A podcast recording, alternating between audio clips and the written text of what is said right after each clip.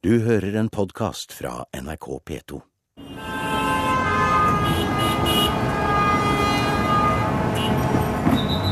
Ja, vi må legge hodet langt tilbake, Tor, for å se alt vi har rundt oss her. Vi får jo nesten vondt i nakken av å stå her. Ja, veldig vondt. Men helt der oppe har vi toppen av Waldorf Astoria. Et av tårnene.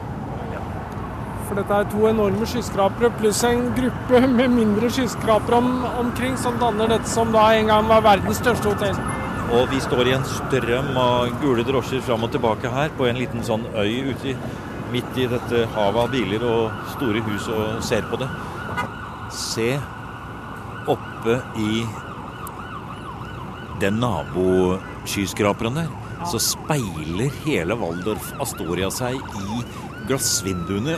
Og, da med kobbertak, irrgrønt selvsagt, eh, på toppen av det hele. Mens det her nede er, eh, er en slags forenklet art deco-stil med The Waldorf Astoria i, i, i gull. da. Og ørnene eh, sitter i festa av flaggstengene med det amerikanske flagget.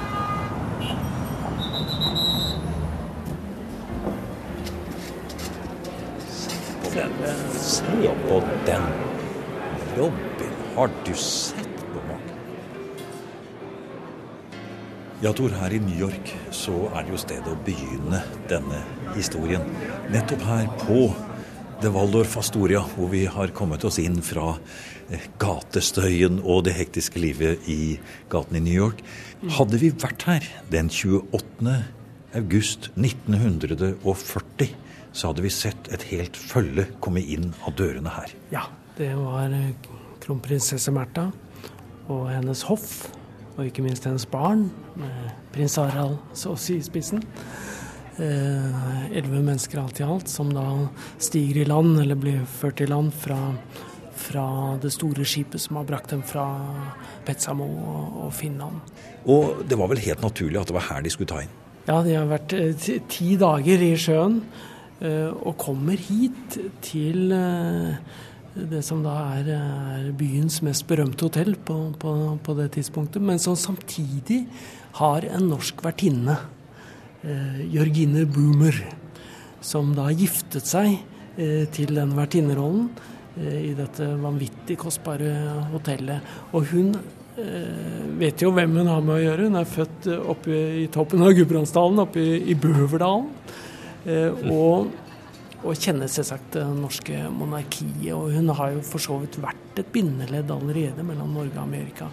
Eh, Roald Amundsen, Fridtjof Nansen var jo gjester i, i det opprinnelige Waldorf Astoria.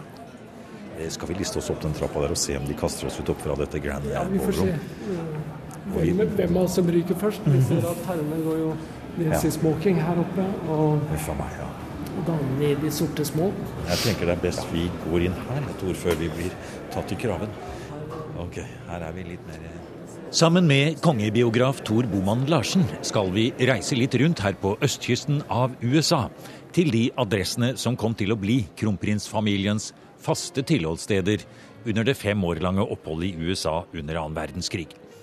Vi skal til Pooks Hill i Maryland utenfor Washington, og vi besøker Springwood, upstate i New York og ferieadressen på Sands Point på Long Island, pluss at vi skal få høre om den private andre etasjen i Det hvite hus. Men vi tar det i tur og orden og starter på den første dagen i Amerika, her på Fifth Avenue i New York på Waldorf Astoria. Et par av de store tårnsuitene i 31. etasje står klar, og så snart prinsessene Ragnhild og Astrid, på henholdsvis ti og åtte år, og lillebror prins Harald på tre, er trygt plassert der sammen med resten av kongefølget, må kronprinsesse Märtha i gang med sine offisielle plikter. Både stortingspresident Seyod Hambro og minister Morgenstjerne fra legasjonen i Washington er alt på plass i hotellets konferansesaler, og har forberedt alt til minste detalj. For det første så ble det jo holdt en pressekonferanse. Eh, Og det var en stor begivenhet eh, og et stort press på kronprinsessen. For nå var de altså flyktninger fra eh, Først fra den nazifiserte Norge, okkuperte Norge, og dernest også fra Sverige. Og hva hadde kronprinsessen å si når hun nå kunne tale fritt i, i De forente stater. Så det var et enormt pressekorps som stilte opp. Og hun måtte altså ta spørsmålene på strak arm. Og det var ikke så helt enkelt. Riktignok så hadde hun hatt kontakt med kronprinsen for første gang. Før pressekonferansen så får hun telefonisk forbindelse med London. Og det er første gang siden 9. april at kronprinsesse og kronprins snakker sammen. Og det er selvsagt viktig nå, ikke bare av familiære og nær sagt ekteskapelige grunner, så er det jo en stor begivenhet, men hun må ha instrukser før hun møter pressen. For kronprins Olav og kong Haakon de er jo da i London. De er den andre enden av den telefonlinjen Nettopp. Nettopp. Uh, over Atlanteren. Nettopp. Og med regjeringen Nygaardsvold. Altså der er det regjerende Norge. Ringer her fra hotellet, jeg ser det for ja, meg. Det er ja. en uh, ganske viktig telefonsamtale. Ja, ja det, det, var en stor begivenhet den gangen vet du, å snakke over Atlanteren. Ja. Sånn at hun er på en måte da forberedt. Hun har jo bare hoffsjefen i sitt følge og hoffdamen. Og selvsagt dukker jo Hambro opp her. Og, og, og minister Morgenstern, så, så hun er ikke helt alene. Men, men uh, hun trenger ryggdekning fra London for å møte verdenspressen. Og hun klarer det. Og hun har uh, hun er avslappet. Hun har selvsagt rutine. Vi skal heller ikke glemme at her er veldig viktig at hun sammen med kronprinsen har vært på reise i Amerika tre måneder året før. Og det var første gang at eh, norsk kongelige møtte pressen. Eh, første pressekonferanse kronprinsparet gir i Norge i det hele tatt, var ved hjemkomsten fra Amerika. For da hadde, hadde de lært tonene herover.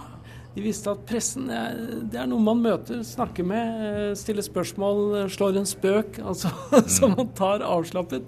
Og det var ingen kongelig kutyme for det fra Europa. Da måtte man møte Amerika, og der hadde hun en ballast som gjorde at hun uh, klarte dette. Men allikevel så blir hun jo her kastet ut på dypt vann, og må ene og alene stå for kongehuset på dette store kontinentet. Og det er jo en stor representativ oppgave for å gi vekt og betydning til en serie av arrangementer som foregår her borte. Eh, både i privat og offentlig regi, med regjeringsmedlemmer, med, med representanter for det amerikanske styret, ikke minst presidenten, da, og, og med, med, med norskamerikanere. Det er mengde mennesker her borte som føler seg knyttet til Norge. Og alt dette For alt dette blir jo eh, kronprinsessen en magnet. ikke sant? Det er hun som gir det glans, og for så vidt også konstitusjonell betydning i en viss grad, fordi hun representerer jo også kongen. Så hun, eh, hun må tale, og hun må vise seg.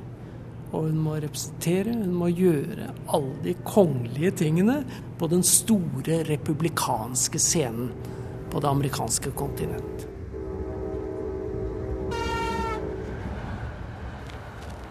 Hallo, Norge. Nordmenn, venner av Norge over hele verden. Dette er stasjonen WRUL, The World Wide Broadcasting Foundation, Boston, Massachusetts, De forente stater. Med den daglige kringkastingen på norsk. Dette er stemmen fra Boston, NRK-mannen Gunnar Nygaard, som kom til USA på samme måte som Toralf Øksenvad havnet i London og ble den norske stemmen i radioen der. Og til NRKs sendinger på kortbølgen over stasjonen WRUL i Boston kom kronprinsesse Märtha bare fire uker etter at hun hadde holdt tale for et fulltallig pressekorps på Waldorf Astoria og hadde vært midtpunktet under den store middagen i ballsalen samme kveld. Vi får kanskje et lite inntrykk av følelsen, stemmen og innholdet da kronprinsessen talte på Norges vegne via goodwill-sendingene fra Boston til norske sjøfolk over hele verden og til lyttere i USA og det besatte Norge. Som dere vet, har jeg sammen med mine barn tatt midlertidig opphold her i Amerika. Men jeg behøver ikke fortelle dere at tankene kretser ustanselig om det som foregår i Europa, og først og fremst om mitt kjære Norges skjebne. Det er mitt inderlige håp og min tro at Norge snart må bli fridd fra det fremmedvelde som nå kuer all frihet i landet vårt. Jeg har den faste overbevisning at den kamp som kongen og kronprinsen sammen med landets regjering står i spissen for, vil føres frem til seier, til gjenreisning av vår nasjonale selvstendighet. Og jeg ser med lengsel den dag i møte da vi alle skal få komme hjem igjen og samles i et fritt fedreland.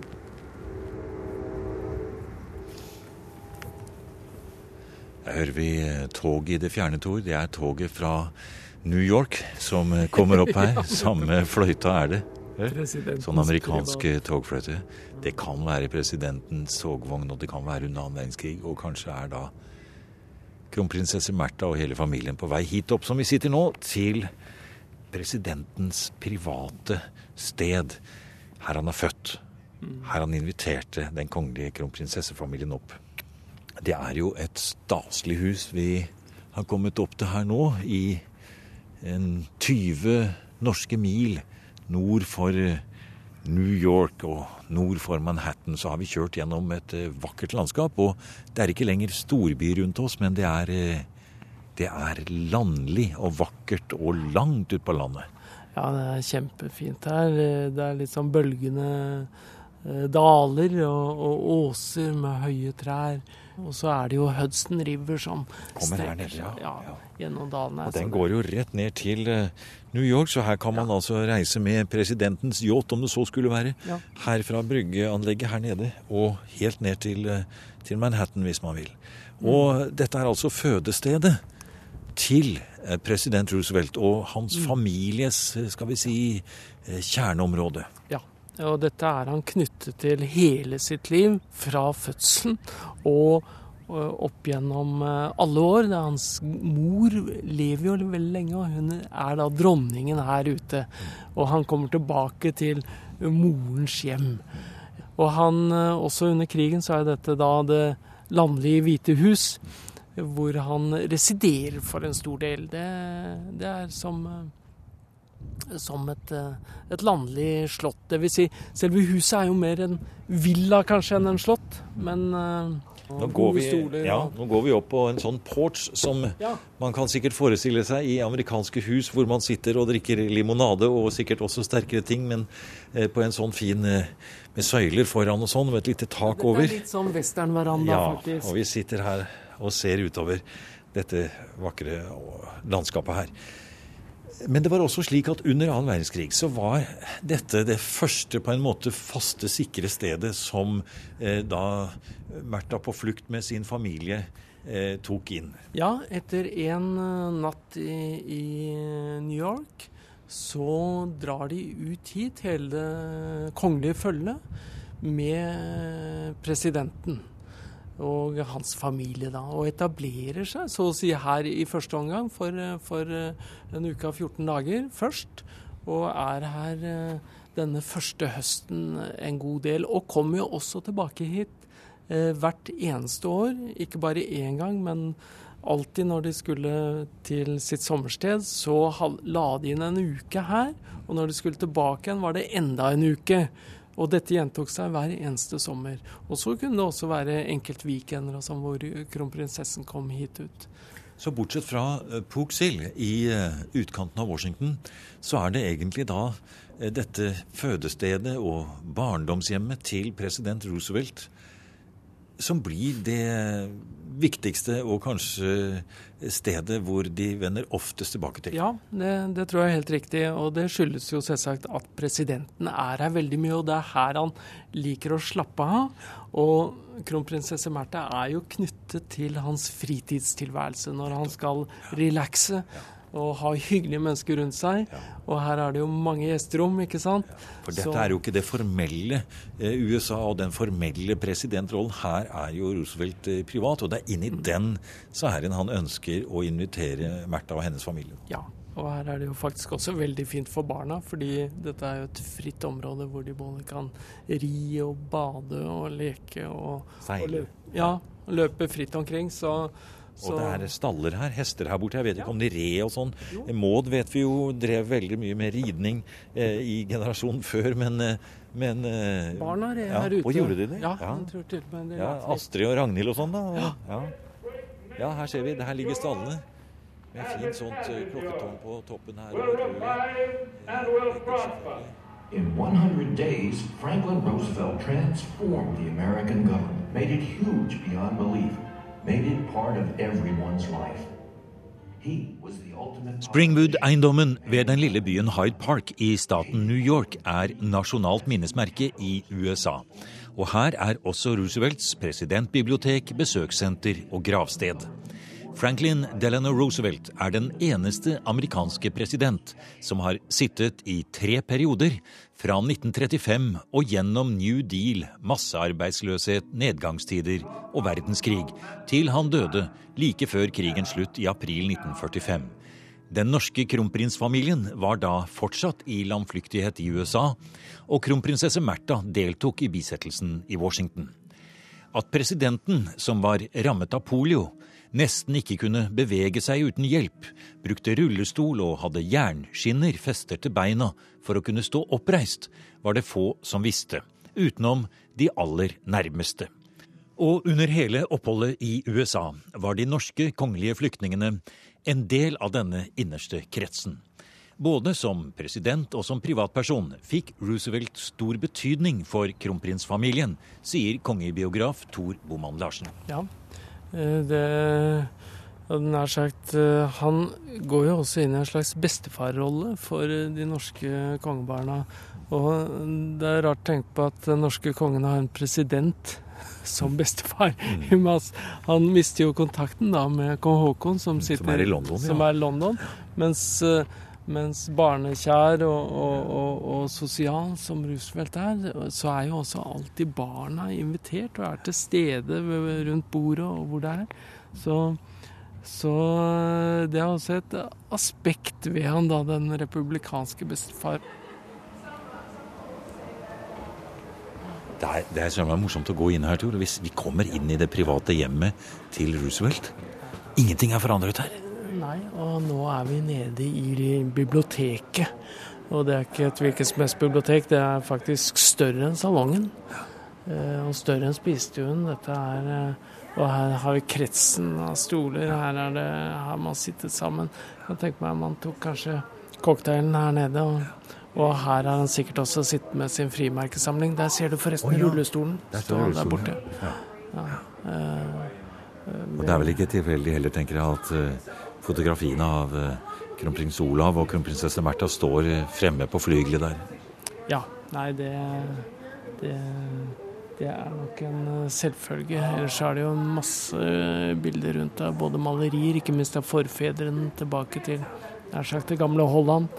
Og, Store persiske tepper og tunge møbler. ja. Mahogni, bøker Rommene i det private hjemmet til Roosevelt står akkurat slik de gjorde da han døde i 1945.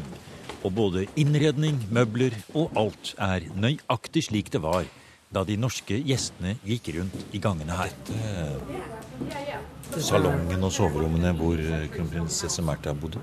Dette er The Pink Room, og her mente de at kronprinsesse Märtha hadde sitt soverom, som også ble brukt av Churchill, og det passer jo med Det hvite hus, hvor de egentlig også bruker, bruker samme gjesteværelse. Det er en dyp sofa her, eh, og, men det er også et toalettbord, det er et lite skrivebord, det er høye speil, og det er en stor, eh, mørk seng som står i, i Og se på tapeten. Det er ja. rosa roser. Nettopp. Ja. eh, Med, med litt grønne blader og Så dette er eh, Og innenfor der er det jo enda et soverom, ser du. Ja, det, det er Og på den andre siden der også, så det er jo mulig å ha eh, både prinsessen og prinsen her, antagelig. Ja, her flytter jo faktisk et helt hoff inn. Ja. Eh, og det er en serie ganske individuelle soverom i dette både romslige og litt trange eh. Se det store lindetreet der. Ja, Og Pook Hill Towers heter det der. Ja. Kan ikke se noen tårn, men Ja, altså disse fire-femetasjers eh, husene der, det er towers. Okay. Ja. Her er det en liten vei. Det har blåst ned noen grener over der. Ja. Dette er, holdt på å si, verre enn dronning Mauds hage på Appleton. Enda det faktisk kan minne litt her hvor vi står Ja, nå, helt det- overgrodd. Det, det gjør det, for der står altså disse høye trærne rett opp, og så gror det tett i tett rundt. Og der har vi også dette høydedraget, ikke sant? På vår reise i kronprinsesse Märthas fotspor under annen verdenskrig har vi nå kommet til et høydedrag en 30 km vei nordøst for sentrum av Washington. I dag er dette et fasjonabelt boligområde i bydelen Bethesda, egentlig like over grensen til nabostaten Maryland. Hit opp i høyden kom de rike og mektige i førkrigsårene for å bygge sine sommervillaer før aircondition ble vanlig. For om somrene kan varmen bli trykkende nede i Washington. Vi har bare adressen Pooks Hill å gå etter, og et svart-hvitt bilde av huset, som nå er revet. Men sammen med Tor Boman Larsen leter vi etter stedet som ble den faste adressen for hele kronprinsfamilien og deres følge under krigen. Vi kikker oss rundt og leter, på samme måte som da selveste president Roosevelt kjørte rundt her høsten 1940 med kronprinsesse Märtha for å se på hus. Det ble ble først leid Ja. eh, etter at eh, kronprinsessene hadde saumfart området. Dette skjedde jo ganske hurtig etter at de kom til, til Amerika. Ja. Eh, så satte presidenten i gang søk etter en egnet. Ikke for langt unna hans eget eh, hvite hus. Ja. Så han kjørte selv rundt. Nei, altså. Ja, med kronprinsesse Märtha. Ja, absolutt. Og så på eh, leie- eller salgsmuligheter. Som en annen husjeger som vi kjenner hjemmefra. Ja. Og så Så kom de opp hit, da, i disse gatene her. Ja. Så kom de opp hit. Og For her sto det en stor eiendom som akkurat da var tom. ja. Og det var eh, sent i september 1940 at de første gang så, så Eller iallfall at de fikk tilslaget, tror jeg. De flytter jo ikke inn før i slutten, eller godt ut i oktober, midt i oktober. Eh, så flytter de endelig inn her.